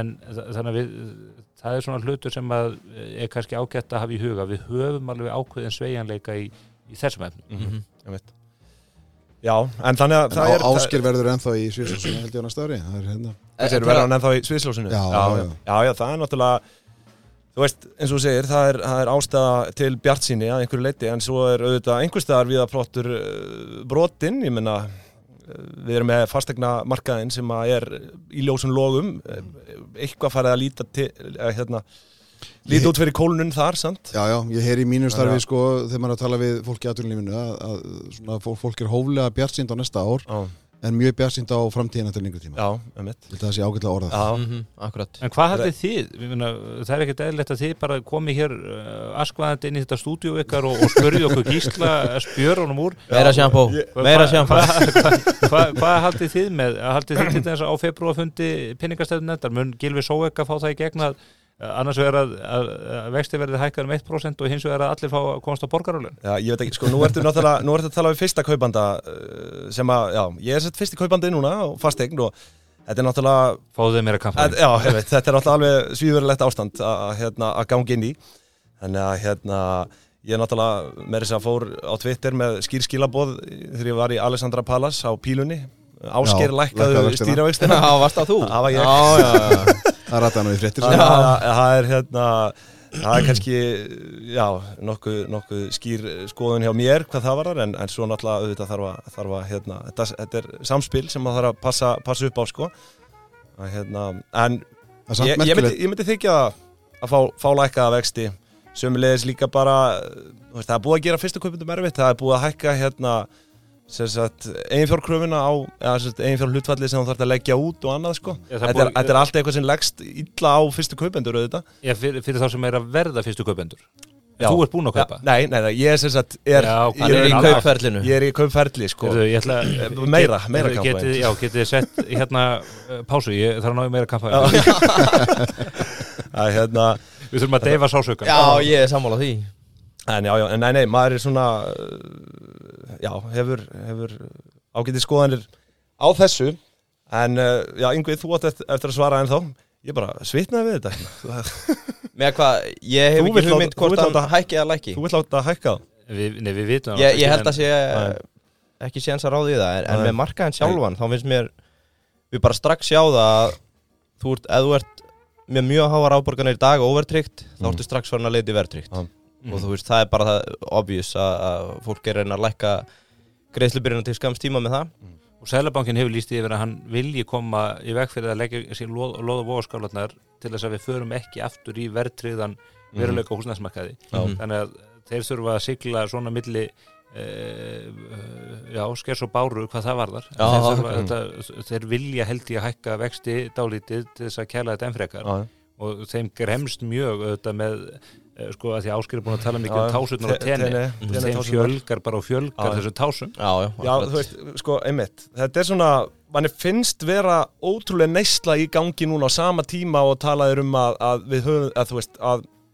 það sé bara erfitt að lifa hérna, sko. Þannig að mað, þetta er svona kontrastar, sko sem að, þú veist, hvað, af hverju eru að eigða svona miklu? Hvað, er þetta bara peningur sem að við eigum ennþá eftir COVID eða hvað? Já, þið þurfa að hlusta á, þið þurfa að hlusta á hlaðar þjóðmála til að komast að því Já, já, akkurat, akkurat. Mér, mér er sagt að í ferðarþjónustu bransanum sé hann kallaði tásker já, einmitt og, og þetta fagnar með því mjög því, Já. þegar að Reykjanesbrautin lokaðist Já. og síðan losnaði um tappan losist aftur Já, að fimm fyrstu vélarnar sem tók á loft Já. í Keflavík, já, þær fóru allar til. Þetta, þær fóru bara eins og áltir að hausti Já. í óttaflugi En það var neyðar ástand að, að ná að koma þeim hann út Þetta var þetta mjög fyndið þegar Bói Níls, okkar besti maður, sko, hann var að lýsa því, hérna, hann var í fréttum að segja, sko, þegar það var að opna og hann, sagði, og hann taldi upp vélna sem var að fara, sagði, þú veist, hérna, tvær til Ameríku og og svo bara einmitt fimm til, hérna, Kanari á Tenerife, sko. En þetta er einmitt, ég svona veltiði fyrir mér hvort að fólk sé bara reynilega eða umfram eða, eða bara liggja á, á þessu. Öllu- Það er alltaf fullt af peningum í kerfinu. Þeim. Sparnaður er enn Það var- að það var aukast í bankakerfinu. einmitt. Mhm. Uh, kannski munum við sjá, það verður fróðlegt að sjá tölur uh, Sæðlabankans yfir, yfir bankakerfið sem að byrta sennilega, myndi ég halda 20. og 1. annan janúar Mhm. þá held ég að við munum mögulega sjá eh, einhverja tölur varðandi eins og yfirdráttaskuldir Já. og það kann að vera að þar sjáum við einhverja breytingar bara út af jólaháttíðinni Mhm. og öðru slíku Mhm. en uh, staða heimilana er mjög góð Mhm. og fólk þarf að spila mjög illa á sínum málum til þess að þetta fari illa Já. fólk hefur kost á að fara í verðtrykt eða það hefur verið í overtryðum með lága vexti Mhm. um, ég held að við séum svona að komast nær vaksta jafnvægi en við höfum lengi verið. Uh, við erum með stýrivextu upp á 6% núna. Mhm. kann að vera að þið verði eitthvað hækkar í februar til þess að slá á puttana á mönnum og halda mönnum svona við efnið. Einmitt. En eins og varandi bara þig að þið verður hérna í þessari persónulegu fjármálaákjöf Já, að þá auðvitað lengst af snýst þetta fyrst og fremst um það að stilla af afborganagetuna Já, já. menn eiga ekki kannski mikið velta fyrir sig hversu mikið er skuld eða hversu mikið eigi fyrir í húsinu Mhm. að tryggja sér húsnæði sem þú hefur þá örugt aðgengja til að bú í e, svo yfir lengri tíma myndast eigi fyrir og ef, ef þið skoðið bara húsnæðismarkaðin í, síðan að bara hús fór að rísa hér Já, úr samhengi þá er þetta eitthvað sem fólk á alltaf að gera það er bara, það er bara ungt fólk á að stefna á það að koma sér upp fasteign Mm.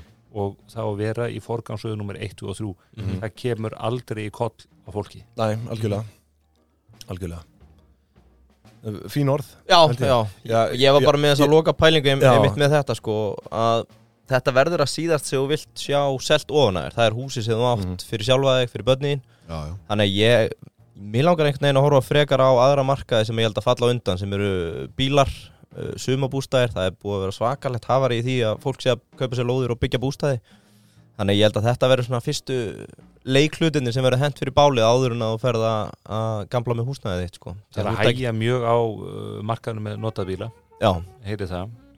Og þannig að það eru kannski kauptækifæri fyrir þá sem að Akkurat, akkurat. E, vilja ná sér í góða, góða drossjur. Já, ég held að þau muni bara aukast því að veist, eins og með þetta, ef þú átt ekki lengur fyrir afborgunum með að sérða er að harna þá myndur losa það við lúksusbílinn fyrst. Mm. til þess að veður storm næstu tíu mánuði sko, þangar til að byrja að lækka aftur. Já, en svo verður aðeins verður að byggja fólk aðeins um að róa sig hérna sko, að því að nú er menn að segja, heyrðu, hér bara með fólk ekki að efna því að borga á húsnæðislánum sínum og, og þar Ég er reyndar ekki það svart sítt sko, en ég er bara að segja, ég held að það- dæmin séu þau að Þannig er talað. Já, en, akkurat. en staðreyndin er svo að uh, fólk sem hefur verið í óvertriðu og, með breytilega vexti hefur kost á að fara í verðtrygt Akkurat, og, og það er möguleiki.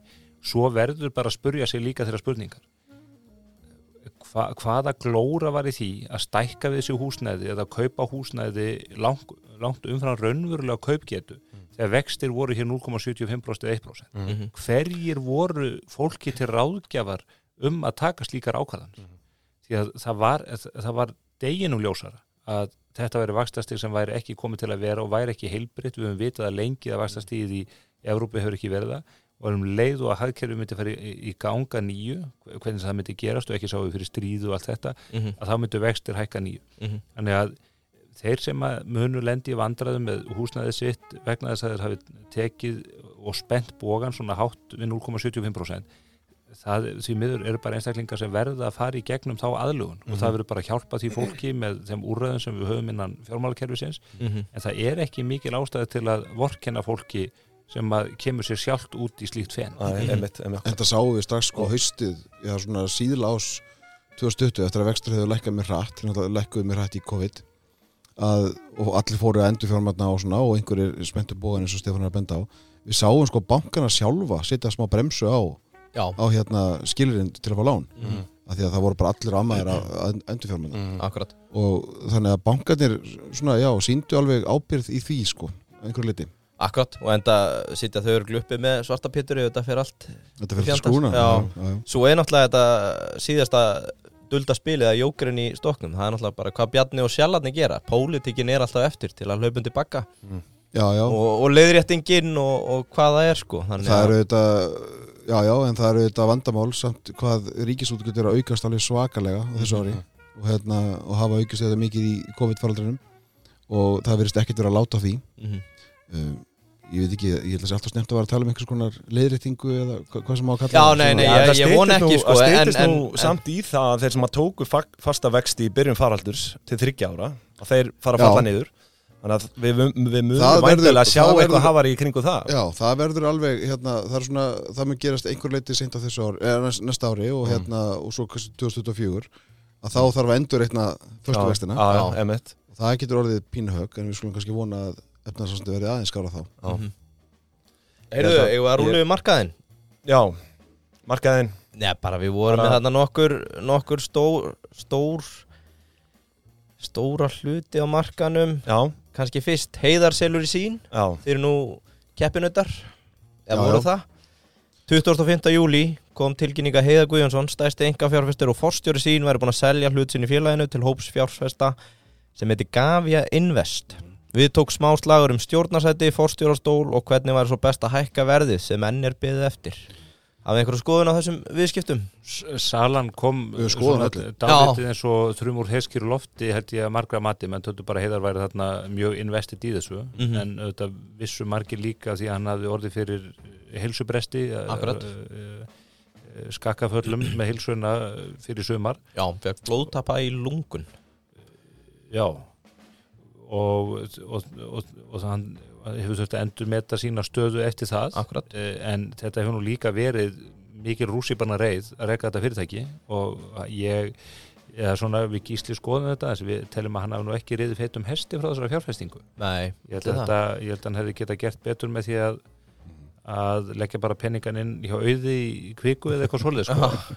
Eh, en, en auðvitað vita með það ekki fyrirfram og, Nei. og til dæmis og hann var náttúrulega búin að snúa við reksturinnum hjá þeim og búin að bæta hann heil mikið Já, já, og, og margt búið að gerast en hann auðvitað gerði þau mistök eins og nokk, já, mistök að hann, hann eins og Helgi Magnússon uh, fór í stóran díl við Jón Ásker Jóhannesson Mm. og taldi að taldi að hann yrði fyrsti maður til þess að koma vel út úr út úr slíkum snúningum en, en raunin var þetta svo að eini maður sem kom á löppunum niður í þeim business var, var Jón Áskir Já, þú ert á vantarlega að vísi í yfirtökuna á 365 Já, bara ég já. fylgdist náðu með því mála á sín tíma og bara hvernig þau voru eignfæra til dæmis þess að byrtingar rétt á einhverjum elgófnu kvikmyndum og svona, þetta var bara glórulöst og það, og eins og 365 gerði það áður þá. já, já, það var hluti að uh, hvernig þeir mátu þetta úr bókum 365 og, og yfir Mhm. svo tók þetta mikinn tíma og, og mikið fókus og á þessum tíma tapaði Vodafone sem þá hétt gríðalugum fjölda viðskiptavina Mhm. ja, símin og ennur símafjölög þau nýttu færið á meðan að,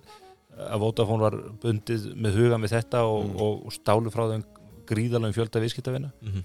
Og síðan tókst nú held ég heiðar að, að snúa því við þegar hann var tekinn aftur við sem fórstjóri þá svona náður vopnum sínum á ný. Mhm. en öll svona orka uh, all, all, öll svona mál sem mikil orka fyrir í án þess að skila nokkur raunverulegri virðisaukningu eru þetta uh, svona gre, Þungt, mi, Já, fylgir því gremja. Já, akkurat. Það verður mér fróld að sjá hvað gaf já og Jón Skaftarsson alltaf orðin stjórnarfamaður Vodafone Mhm. núna. Og það verður mér fróld að sjá svona hvað þau, hvað, þau, hvað þau gera með félagið.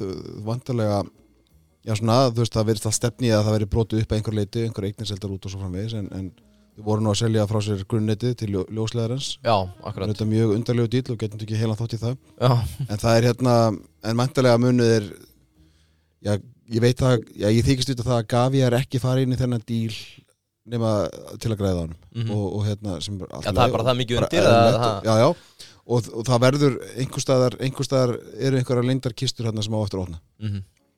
Já, sem er eftir að koma. Mhm. Svo er það Símin, Míla og Ske fíaskóið, við þekkjum það öll. Já, já, ég Vi- skrifaði mikið um það í sumar og fylgdist vel með því máli, það var mjög Ég vissi það, ég ákvað, hann var bara hérna Orri Haugsson, take a bow.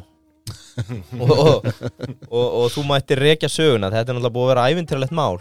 Já, þetta var, þetta, þetta var ferli sem tók 11 mánuði. Já, og auðvitað mjög undarlegt ferli að mörgu leiti frábær fjárfestingar unni það er, náttúrulega- það er mjög mikið traustleika merki þegar að sjóður eins og Ardian sem er bara virtur fjárfestingarsjóður, innviðasjóður franskur, Mhm. kemur hinga og vill, vill kaupa þetta net eða sérst kaupa mílu og hefja í framhaldinu uppbyggingu á ljósleðara neti hér á landi Mhm. sem að þeir eru búin að segjast að þetta gera og verja til þess hvað 30 miljardum á næstu, ég man ekki hvað mörgum árum. Um, því náttúrulega þekki þessu umræðu hvernig þetta var í kringum þetta, fólk var ekkert hrætti það að vera útlíkar að kaupa og Já, þetta var grunn innviðir í landinu og svo framvegis þetta rataði hann að bor stjórnmála og, hérna ríkistöndin brástrindar alveg hratt við og átti sam, ge- gerði samning við Ardian að minni desember í fyrra þar sem var náðu einhver samkomlega um þessi mál hvernig þessar uppbyggingur hagað og varandi innan gagsægi og fleira sem var bara frábært. En síðan er það samkynnseftiliti sem að tefur málið alveg óvendilega mhm, og meðal annars út af umkvörtunum frá fyrirnefndu félagi, ljósleðaranum og einhvern veginn virðist að vera að svona sjóna með ljósleðarins hafi alltaf vorið ofan á í, í áluttun samkynnseftilitsins mhm. Og, og ég veit það bara að samkynnseftilitið þeir bara huguðu sér já, ég ætla bara að segja það, huguðu sér bara svo fábjörnar í þessu máli. Já, ok. Og áttu í hótunum við, við Síman og Ardian og, og hérna og svona þeirra hegðun er ekki til eftirbreytni Þannig erum við konum með fyrirsögnin á fréttina sem við skrifum á eftir og sendum á þig og þú byrtir á morgun já, já. En er það ekki líka þannig eins og bara úr heimi stjórnmáluna voru ekki viðreist sem koma vest út af þessu? Evrópuflokkurinn Jú, sjálfur það, sem það, að það var auðvitað mjög fróðilegt að sjá Já. og það, það gerist þau bara strax í upphafi þegar, þegar tilkynntu söluna í oktober Þetta er áhugavert að reyfið upp 2021, sko. já, já, algjörlega og þá, ég meina, Þorgerður Katrin Gunnarsdóttir sem hefur nú talað mikið fyrir því að Ísland gangi að Evropasambandið og, Mhm. og hennar flokkur auðvitað við reist hún einhvern veginn fyrir strax í það að tala um þjóðaröryggi og svona og hérna samlingin ger það líka, Átni Harðardóttir gekk mjög langt í þessu. Mhm. hún laði til, ég man ekki hvernig það var í februar, mars á þessu ári, kannski setna hún laði til að símin er í Já, að Míla er í akkurat og hérna þannig að þarna brugðust þeir flokkar, þessi tveir flokkar sem hafa talað hvað mest fyrir því að Ísland gangi Evropasamtið brugðust alveg skelvilega illa við því að hér væri einhverjir vondir út, útlenskir kapitalistar að koma og kaupa Já, akkurat en samt var nú þannig að Míla var búin að vera á síminn auðvitað síminn auðvitað móðufélag Mílu eins og fólk þekkir að og að vera í enga í 17 ár sko Mhm. Svo sem er, eh, sko, ef að grunnnet fjarskiptana kemst hér í eigu útlendinga þá er meiri hætt á njósnum og einhverju slíku. Sko, er þau ef að franska leinithjónustan sem er reyndar stærsti yðnaða njósnari innan bandarinska kerfisins Mm. af öllum. Þeir eru allir að njósna hverjum annan. Ef að þeir ætla að hérna, njósnum eitthvað sem er að gerast á Íslandi, Ísland. sko, þá eru þeir ekki að fara að láta Íslandst eignar halda á símanum eða mílu sko, stöðva sig í því, sko. Nei, akkurat. þetta er eins galið og, og hugsar getur og þetta þarf að fara að skoða. Ég minni á eh, frumvarp sem að eh, Þóldís Kolbrún þá er handi viðskipt og yðnaðar á þeirra laði fyrir þingið um það að, að tryggja stýttir í málsmeðferðartíma í deilu málu við samkjæmsættilitið Mm. Þetta er þannig að samkjæmsættiliti getur lagt á því mjög íþingjandi úrskurðið eða bara sektir upp á hundruðum eða, þúsundum miljóna og þá getur þú skotið því áfram til áfyrirjuna nefndar samkjæmsmála og svo nefnd getur endur skoðað og, og felt nýjan úrskurð eins og æðra dómstig Mhm. en eins og kerfið er núna þá getur samkjæmsættilitið þrátt fyrir niðurstöðu úrskurðunendarinnar skotið þeim úrskurði áfram til hérastónstóla Ja. og landsréttar og eftir aðtökum hæstaréttar Mhm. en eh, á, eh, sér, að, það breytingar sem að Þóldís Kolbrún vildi gera fólu í sér að, að niðurstaða úrskurðanendarinnar var endanleg Mhm.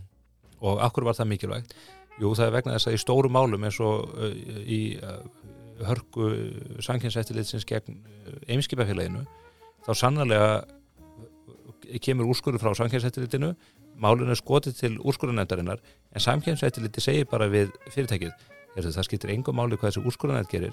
Við munum kjöldraga ykkur hér næstu tíu árin. Já, og meðan hafa þessi fyrirtæki stöðu nánast þessu stöðu sagbortnings uh, geta ekki um frástöðu strókið varandi erlenda fjármögnum þurfa að útskýra þessar hlut út um allt. Og, og auðvitað brást þingið þarna. Samfélkingarliðið og, og viðreysn og allt þetta fólk, það gæti ekki bakkað upp þessa breytingu sem að hefði orðið til hagspóta fyrir atvinnulífið og mm. samkeppnishæfni Íslands. Það varðu þetta bakka upp stofnununa og við vitum það fyrir víst við bara ég held að Gísli geti vitnað það líka að, að þegar að svona mál kom upp að þá fara fórstjóru og aðstofafórstjóri samkjæmsættilitsins á fullt í síman, ringja út alla þingmennina sem að þeir hafa komið sér í, í mjúkin hjá og, og þyrla málum þannig upp að það er ekki hægt að gera neina breytingar á kerfinu.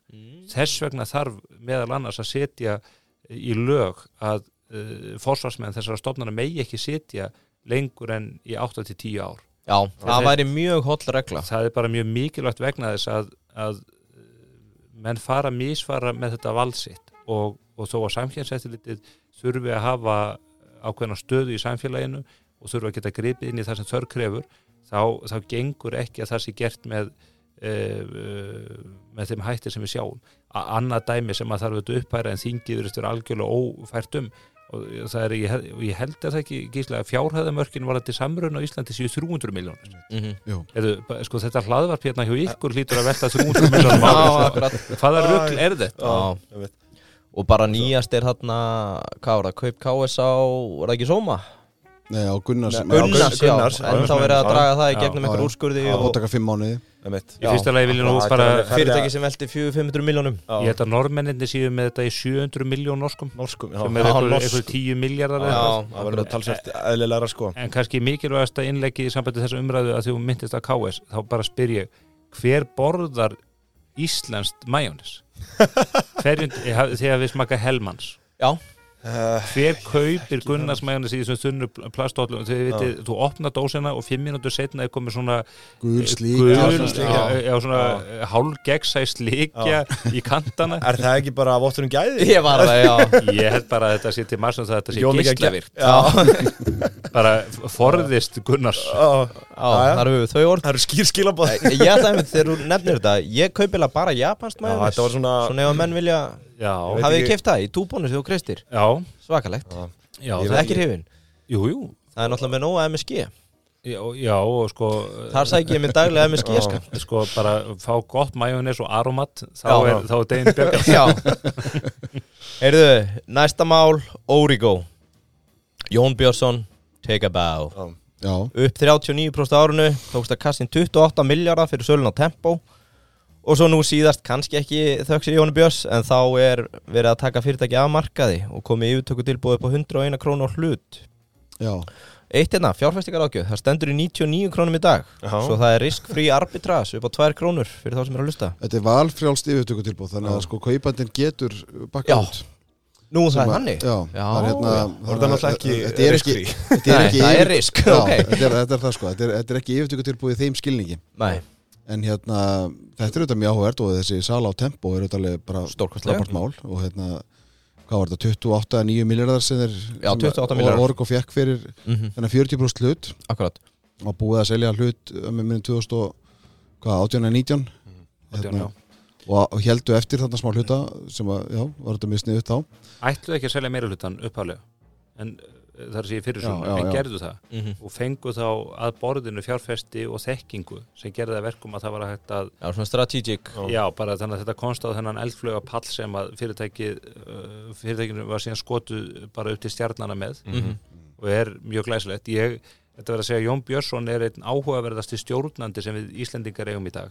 Hann er afskaplega klár maður og, og ég enda, það var ágættur kunningi minn sem að þegar fréttina barastæði að Jón Björnsson væri tekin við í Origo, hann sagði bara, ég er að ég er að fara að veðsetja húsið mitt Já, bara- ég, er, ég er bara allstaða sem Jón fer þar, þar, þar bara setja allt undir. Einmitt. og sá maður fór nú hlæjandi í bankan því að hann leta því verða. Já, klálega. Og það er búið að vera mjög áhugavert. Við höfum nú tekið, hvað, einhverja 60, 70, nei, ekki svo mikið 30, 40 ásætningaþætti Mhm. Hann Hann- er búin að vera með puttana í svona 10% Já. Hann er búin að koma brauð og kó Já. og hvað var það fleira? Dropp.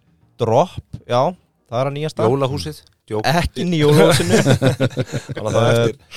Það var eitthvað af þessum fyrir þáttunum Allstað sáum við Jón Björns, Björnsson poppa fyrir. Þannig að hann er svona líka í þessum englafjárfestingum hann er mjög öflugur en, en uh, það kom ég dátu óvar hvað er, er að greiða mikinn arð út úr fyrirtækinu.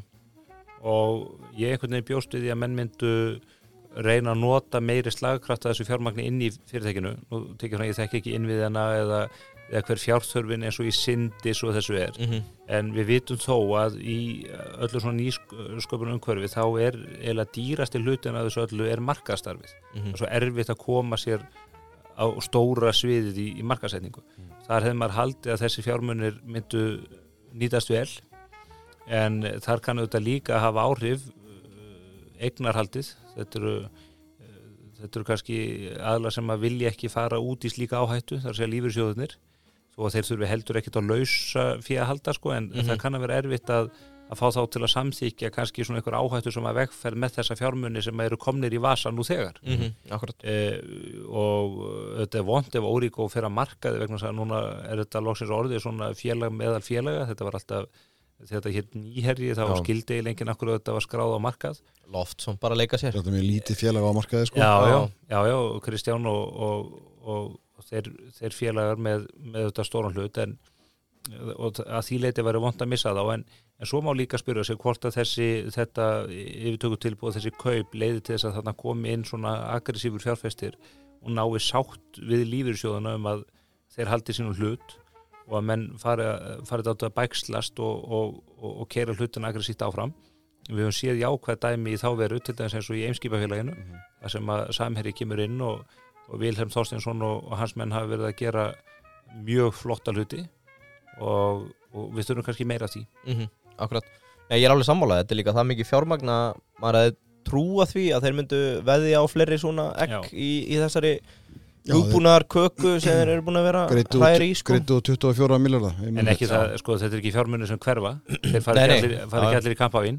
Nei, Eh, miður. þó- nei, þó mættu þetta gera meira af því að, en þeir, þeir fara út til fjárfestana og, og þeir munu reyna að endur fjárfesta nú hafa þeir góða reynslu af fjárfestingum í hátæknum og ísköpun þannig að það vonandi að menn veitu þessu áfram og, og efli íslenskt atvinnulíf með þeim hætti. Mm Og svo það sé sagt, þá er vist veðja á það að Sindis sé næst í svona sproti innan Origo gæti verið en mér hefur oft þótt Stutt komin grátlegt að sjá hvað hefur tekið langan tíma fyrir íslenska fjárfesta og aðla með mikla fjármun að, að opna augun fyrir tækifærunum. Uh, við sáum til þess í lagseldinu hvað uh, lífyrsjóðunni voru einhvern veginn andvaralausir þegar að það fór að byggjast upp á vestfjörðum og normenninni gliftuðu þetta allt. mm Keresis, það sem að Lego fjölskyldan glæsileg fjárfesting á líðandi árið þar sem þau kom inn en auðvitað ætti Keresis enn sem stendur allt fyrirtækið að vera í eigu íslenskra aðla, það væri, væri heppilegast.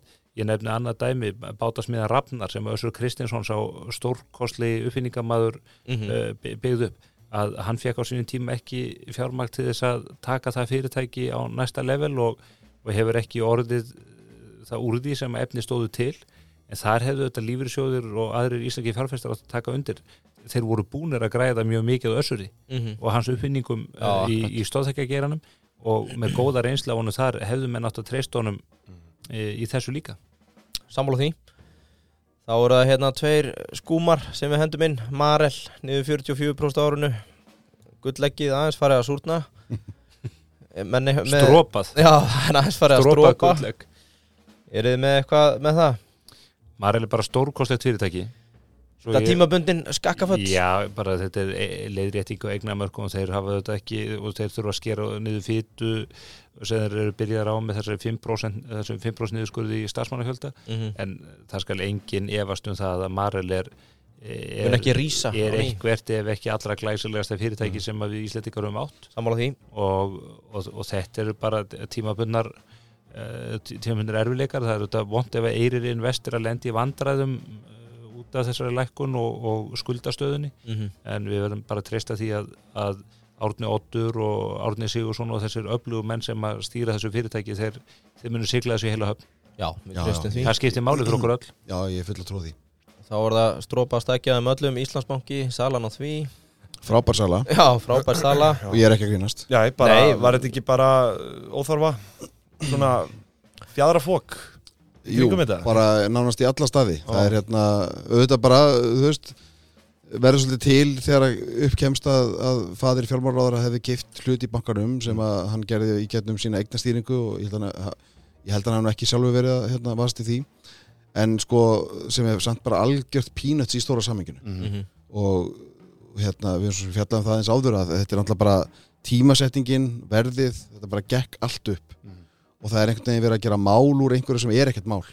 Menna, þessi aðferð, þessi tilbúsleið svonenda er bara vel þekkt í þessum geira. Allir fjárfæstar þekki hana. Ég held að allir fjárfæstar, megin þóri fjárfæstar á Íslandi hafi vitað því að það væri eitthvað að fara að gerast í þessum málum. Þarna á föstudeginu fyrir söluna rennir út þetta 180 daga tímabil nei á mánudeginu fyrir ekki, bara daginn fyrir sölu. Mm. Þetta 180 daga tímabil frá, frá síðustu sölu útbúðan sem fór fram sumari 2021 sem var bara gífulega vel hérna þegar ríkiseldi 35% hlut. -hmm. um, þannig seldur 22,5% hlut það stóð til að selja allt upp á 20% hlut þegar var tilkynnt uppalega endur er 22% og bara á mjög góð verði. Við sjáum að útbúðsverðið eru komið aftur held ég, allan að lókmarkaði gær. Þá var útbúðsverðið komið nýri nei þá var marka, markasverðið komið nýri 117 Já. Já, stendur í 118 í dag. Einmitt, veist þannig að fyrir ríkið þá er þessi sala bara gífulega vel hefnuð mm Þetta er bara það sem gerir business leðilegt, það er pólitík. Algjörlega og svo sjáum við þessi, þessa skýslu ríkisendurskoðuna sem er þetta mjög undarleg og fulla einhverju vangaveltum um eitthvað sem hefði kannski geta orðið og kannski ekki sem að er bara einhvern veginn, þetta er bara einhver tóm þvæla mm. bara mér að minna? Mm Svo hérna lokum þá ætla ég nú bara að henda síldæðumslunin komið sá og sigru, vísir, bergur og, og Já, komnir í eldið. Já, já, sem er bara voru mjög góð og skynsanlega viðskipti að ég held og hérna bara munu efla þessi, bæði þessi félög. Mm og enn eitt dæmið um upplaupið og rugglið sem alltaf verður í íslensku samfélagi þessum að uh, Berghildur Erla eða komið hér var að tala alltaf um vísisbörnin sko, allt Mm. fólk bara á 70 og áttræðisaldri. Fólk búið að standa í rekstur þessa fyrirtækis búið að vaða eld og brennistein til að byggja upp uh, þetta glæsilega fyrirtæki sem að þó er daldið mikið skuldsett. Og voru Og- bara að geta um alls konar skabla í sinni gríð, rekstri já, og sko. búið að skapa þarna störf og, og skattekjur eh, og ómældar. Og þ- þarna er að verða samþjöppun sem er nöðsynleg, samþjöppun er góð svo lengi sem hún leiðir ekki til óhóflegar, óhóflegar fákeppni og við þurfum stór og öflug fyrirtæki til þess að berjast á alþjóðlegum mörkuðum. -hmm. og, það er, það er staðin málsins og við, við erum sífælt, nú var viðskiptablaði til dæmis að veita hampiðjunni verlun sem er stærsta og öflugasta veiðafæra fyrirtæki í heimi notabene. og við viljum líka eiga í sjávarútveginum okkar í, í framleiðslun á próteininu stærstu og öflugustu fyrirtæki heimi. Við, það er mjög langt í land. Mm stærstu sjávarútvegsfyrirtæki í heimi eru stærri en allur sjávarútvegur Íslands til já, við erum en þetta við erum lagseldið og, og, og landeldið sem vonandi verður mikill vakstarsbróti hér á komandi árum. Og, og síldarvinnslan auðvitað ótrúlegt fyrirtæki. Að koma austur, sjá það sem að síldarvinnslan og, og loðnuvinnslan og eskja og þessi fyrirtæki er að gera.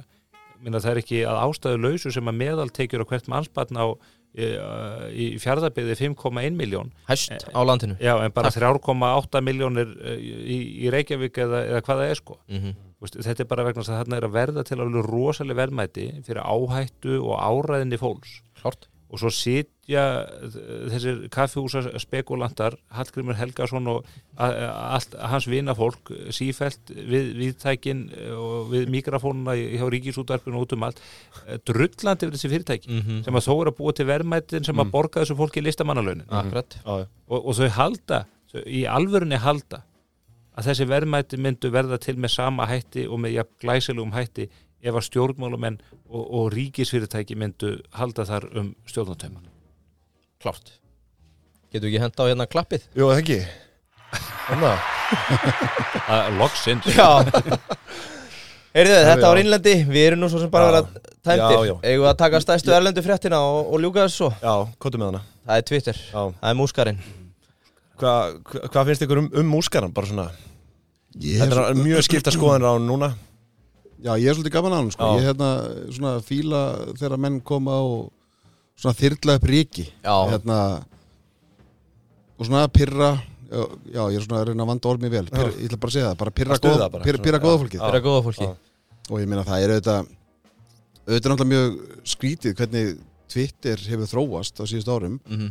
og kannski samfélagsbyrja svolítið í heildina og það er auðvitað mjög undarlegt ef að, ef að það er rétt sem hefur nú aðeins komið fram að, að Twitter hafi verið að svona bæla niður þú veist ákveðna skoðanir á webnum, bæði getnum COVID-faraldurinn og svo bara stjórnbólanskoðan almennt Mhm. en Twitter er svo ekki eitt um það, YouTube hefur gert þetta líka og Já, Facebook og og, eiginlega öll þessi stóru sko Já. Og það er ekki bara verið að bæla niður einhverja öfgamenn, sko. það er líka bara verið að bæla niður bara helbriða skoðanir. Já, akkurat. Þú veist, og, hérna, og það er þetta ekki gott ef að þessi fyrirtæki ætla að taka að sér eitthvað svona rítstjórnarvald Mhm. og hann er auðvitað lagt upp með það að það er ríkja hérna málfrelsi. Og hvort hann fylgir því eftir og, hvað hann er að spá í þessu það er eftir að koma í ljós kannski. Mhm, Akkurat. Ef ekki bara hafa gaman að þessu þangað til? Jó. Ég, ég myndi halda að Elon Musk sé ég, ég ætla að lega mér að halda að hann sé merkilegast eða allavega hann aðtiglisverðasti maðurinn sem að gengur um að jarða kringlun í dag. Já, og það er út af þessum hann og Greta Thunberg. Já, og, og ég tala ekki um ef að þau myndu saman að krafta sína og, og, og hérna fara út í einhver, einhver ævintýri.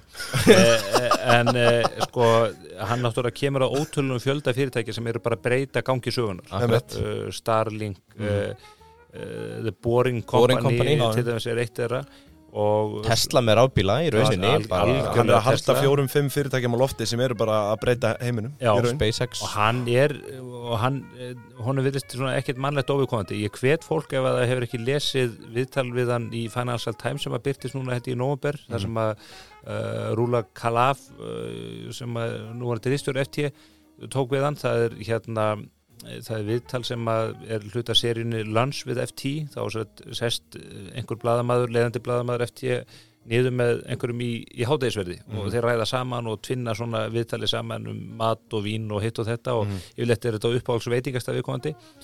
Þetta er eini lönns við FT sem hefur átt sér stað y- yfir kvöldverði og það var vegna þess að það náðust einhver ljósmynd af Musk uh, á listisnekju í sumar þar sem að komi ljós að hann var hann svo feitur að hann hætti að borða hátegismat eina leiðin til að ná þessu viðtali fyrir FT var að bjóðum í kvöldmat. Og þar er hann að fara yfir mörg af þessum málum og, og uh, eitt svona aðteglisverðasta atriði sem að svona lýsir hvernig hann hugsar út fyrir bóksið var að uh, hún spyr hann reistjórin hvort að það séu sé öll vandamál undir, öll vandamál mannkins undir í hans verkefni. Og hann segir já en ég held þó að sé eitt vandamál sem við eigum ekki að berjast við og það er öldrun og dauði. Við eigum ekki að reyna að sigrast á dauðanum. Og þetta kom inn á óvart því að Elon Musk er mjög virkur maður og á núna vona barninu með 11 og 12 Já, og já. ekki döður og öllum æðum. Nei, þó að hann sé uh, litlu eldri en Gísli Freyr. Og hann sem sagt, hún spyr hann bara hva, hvað, af hverju ekki?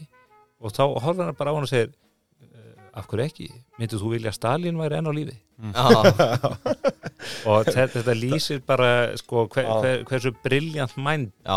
þessi maður er.